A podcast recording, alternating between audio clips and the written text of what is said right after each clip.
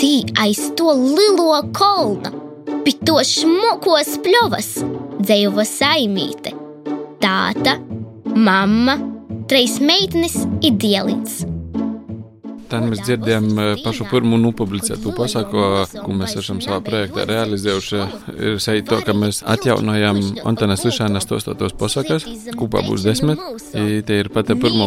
bez steigas sajaut kakao smordiņu ar pīnu. Andris Lišāns ir nemateriālā kultūras mantojuma centra Upīte direktors. Viņš stāsta par projektu, kura ietvaros tiks atjaunotas, ieskaņotas un izdotas grāmatā desmit viņa tēva Antona Slišāna pasakas latgaliski. Lienīte, Andris Imārīte izdomāja dūtīs skobiņu medībos. Ai bosom kojom īskrēja pļaviņā, to uzmanīgi, uzmanīgi, lai nesameitu diva gūteņas kopureņus. Pirms tam itamā pirmajā pasakā to, ka seitreiz mūsās ir broļus gojā vienkārši pļavā zemenes lasiet, un mazāko mūsā vienkārši garajā zoļā atpalikas pieļaudamos ar taureņiem, ja to ko pazudā, ja to tur ir uzatraucā, ko ja iz dvoru tiksti ar taureņiem, sazadarbo ar skudrom, vēl kaut ko, bet beigās ja aizmuga, jū atroda broļus, jūs bija labi. Andris Lišāns dzīvo un strādā mazajā upītes ciemā Balvu novadā, kur kopā ar ģimeni, rīkojot dažādus pasākumus un realizējot projektus, cenšas uzturēt dzīvu Ziemeļlatgales kultūras mantojumu. Viņa tēvs Antons Lišāns bija rakstnieks, novatpētnieks un kultūras darbinieks, kurš nu jau ir aizgājis mūžībā. Viņš ir viens no viszināmākajiem latgaliešu bērnu dzējas autoriem, un izrādās ir bijis arī izcils pasaku sacerētājs. Tad, kad mēs mazi bijām, nu, mēs bērni, Antona vai jau mēs luli, bet mūsu, mūsu bērni bija mazi, jau mazbērni, tad tur iznam. Pirms gulētīšanas, es ik pa laikam tos tie mums pasakās. Ja nīc jūs nekur nav pierakstījis, ir nīskaņaus. Andris Slišāns un viņa vadītā biedrība Upītas jauniešu folkloras kopa līdz šim īstenojuši daudzas idejas latgaliskās kultūrvides stiprināšanai, un jau kādu laiku esot domājuši arī par pasaku grāmatu latgaliski. Īgo ideju galvā, mēs varam mums mēģināt Antona pasakas atjaunot, jo izsniedzam projektu, i mūs im atbalstīja pasaku atjaunošanu un izskaņošanu. Projektu par Antonas Lišāna pasaku atjaunošanu atbalstīja Valsts kultūra kapitāla fonds programmas ietveros, kas paredzēta nemateriālā kultūras mantojuma sarakstā iekļauto vērtību stiprināšanai. Šajā sarakstā nu jau četrus gadus ir arī Upītes kultūra telpa. Tā kā pagājis gana ilgs laiks, kopš Antons Slišāns ir mūžībā, atcerēties viņa sacerētās un stāstītās pasakas nesot bijis viegli, jo tās nekur līdz šim nav bijušas nec pierakstītas, nec ieskaņotas bija tādas dažas pasakas, kuras es atkārtoju, bet eh, vienmēr bija kaut kādas izdomātas uz septiņām pasakās. Vienkārši likām galvas kopā, WhatsApp sarakstījus ar ģimeni rakstījām tos lītas, ko mēs atceramies, ir mazbērni, mēs bērni. Turizmam un mūsu mērītā lika kopā un apmēram izveidoja to Antona stilā pasakās. Nu, zēju to, ka pēc atmiņu stostiem mērītā ir sarakstījusi tos pasakās. Tas bija tāds darbs, nesašu, ka vieglis, it ko te posaka ir, stostiet ir viens atstos pastāstiet, piemēram, saviem bērniem. Es jau varu pastāstīt, bet pierakstīt tas nedaudz jau tā. Par darbu pie pasaku atjaunošanas, kas sākās pagājušā gada jūnijā, stāsta jaunākā Antona meita Mārīte. Viņa atceras, ka tētis vakaros viņiem vienmēr stāstījis savas sacerētās pasakas.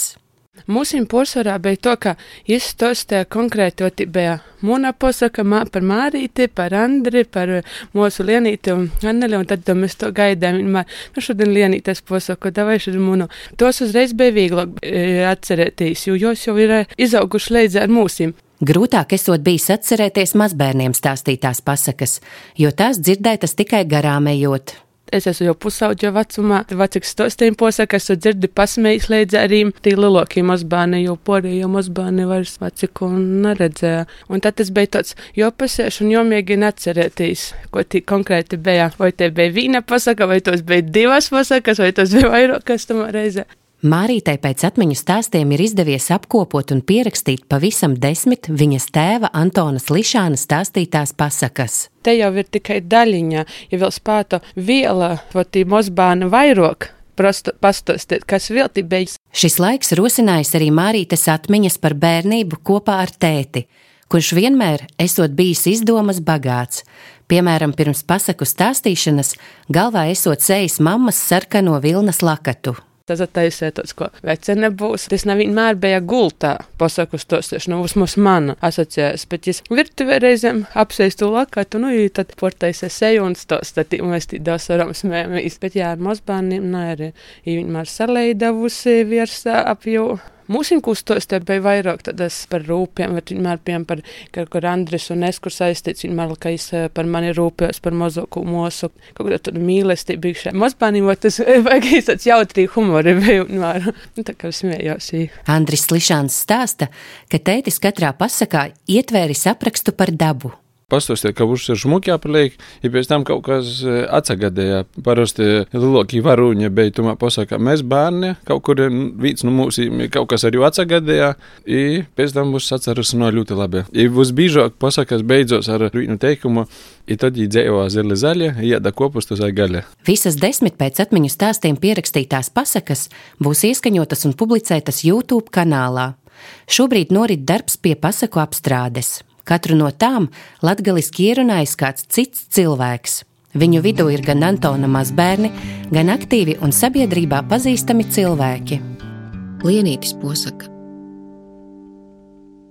Sencinos laikos aiz trēdeviņam mežiem un trēdeviņam kalnim, toļi tolumā aiz to lielo kalna, kam vienā pusī auga baltos bāžas biers, a otrumā tecēja upe, kurai ūdens bija tik dzidrs, ka varēja redzēt, ko zīltiņas ķemmē savus zeltainos spurus, ko mazīt tritoniņi lielos aiz savām krosainajām astēm, Ildiņas ziednieklieši taisa sacensības pa Ildiņas viersu. Pasaku ierunājusi literatūras zinātniece, filoloģijas doktore Ilga Šuplinska. Lienītes posakā ir saveiti vairoki brēnumu posakas e, elementi, ka izteikai sarīk kūpā meuzdīnas ar e, jau zināmiem sižetim un tad raksta savu posaku. Un e, domāju, ka silkurs bērns, kuram vecvacoks vai vacoks vai vairoka tāvs stostētu itaidu posaku, nu man redzīs, ka te dīna būtu gaiša no to viņa, ka tu vakarā zinotu, ka tev būs te posaka. Šuplīnska zina teikt, ka Antonas Lišāna pasakas no tautas pasakām atšķir tēlainie apraksti. Brēnuma posaks vai vispār tautas posaks, jos ir cīši precīzas detaļos, bet jos nerunāja par niansēm, jos napamonatīvi vabaļētis, kas tī kaut kur ropoja, jos neredz skaidrs krosas ir un nerunāja par attīksmes niansēm, jos vinkoši virza darbību. Nu, tad Lišāna posakā te ir atšķirība. Ilga Šuplīnska stāsta, ka Reizeknas Tehnoloģiju akadēmija periodā no 2001. līdz 2017. gadam katru gadu brauca folkloras ekspedīcijās. Tieši Viļakas pusē, no kuras netālu atrodas arī upīte, viņiem esot stāstīts gana daudz pasaku. Bet visur citur Latgolā posaka ir vai nu pīmiersta, Vai nu ir zināmi varianti, kas tiek atstostēti, bet, ja ir uh, krītņi mozokā daudzumā, kā piemēram dzīsmu folklora, ticējumu, sapinu, recepšu folklora. Mūsdienās izdevumi ar latgaliešu pasakām ir reti sastopami. Vienas no nedaudzajām ir krīzes pasakas, ko izdevis Latvijas studentu centrs, vairākās burtnīcās apkopojot gan tautas, gan mūsdienu literārās pasakas. Tagad šis izdevums esot bibliogrāfisks retums. Turpina Šuplinska.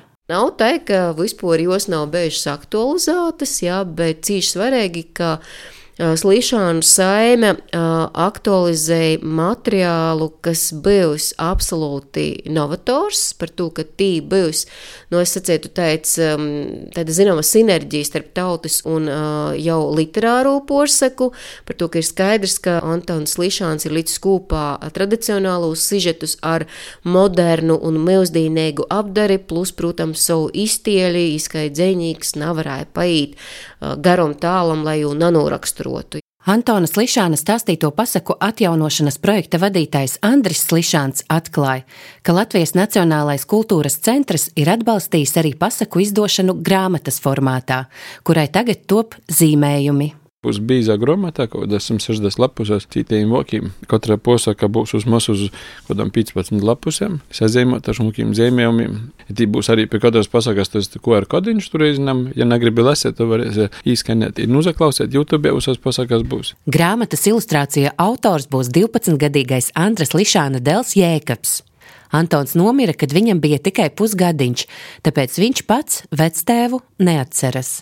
Varu parādīt, kāda šmuki zīmējumi būs. Andris atrod telefonā un rāda jau pabeigtos jēkaba zīmējumus. Tie ir spilgtām, piesātinātām krāsām, cilvēki un situācijas attēlotas kariķētas.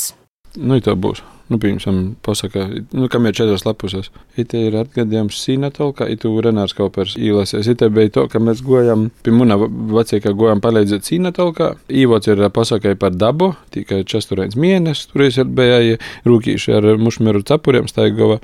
Man laikam aptuveni ir jāuzzīmē kaut kādi simts zīmējumi laikam. Es uz planšetatora zīmēju. Stāsta Jēkabs, kurš prasmi zīmēt datorā apguvis pašmācības ceļā. Cik ilgi viens tev zīmējums iezīmē? Nu, ko kurš parasti stundu, varbūt divas. Kad tev būtu jāzīmē nokušo ilustrāciju, ar ko tu soktu? Es sāktu ar skici, sākumā izdomāt, kas tī būtu, un to, ko ar zīmolu uzzīmētu. Piemēram, es uzzīmēšu tagad cilvēku. Jēkabs paņem planšetdatoru un man rāda, kā top zīmējuma skice. Senāk mans broļs to zīmolu, un tad man patika, ko es zinu, un es iemācījos arī to. Var paskatīties, re, kur ītots, ītots. Tie jau ir pabeigti. Nitos posakas, man mm -hmm. smīļākais ir itas. Kas ir ir? Un stātas skrien caur upi, un man patīk, ko sagoja jūdens, neuzzīmot itūta un atspulgu. Šobrīd vairākas atjaunotās Antonas Lišāna pasakas jau var noklausīties YouTube kanālā. Mēs gribam līdz eh, Antona Vordadiņai līdz 18. janvaram paspiet uzās. Nu, moš ostiņas būs, bet nu, censimies uzās desmit stāsta Andris Slišāns. Savukārt grāmatu, kurā pasakas būs ne tikai pierakstītas, bet arī izstāstītas viņa mazdēla zīmējumos, nemateriālā kultūras mantojuma centra Supīte plāno izdot līdz februāra beigām.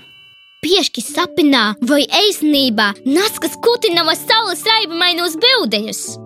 Taurentiņ, tas tu vēl nātvīrusi atstiņas, Mārīte saka lidoju iz moņom. Es pa lielu dēļ taviem šmukajiem sporniņiem, kitinošana nāpstojos. Saulēt, teitu, atkal zeimoja manis bildīm vostras raibumus, kitinošana turpinājos. Laura Ieviņa, Latvijas Rādio studija Latgalē.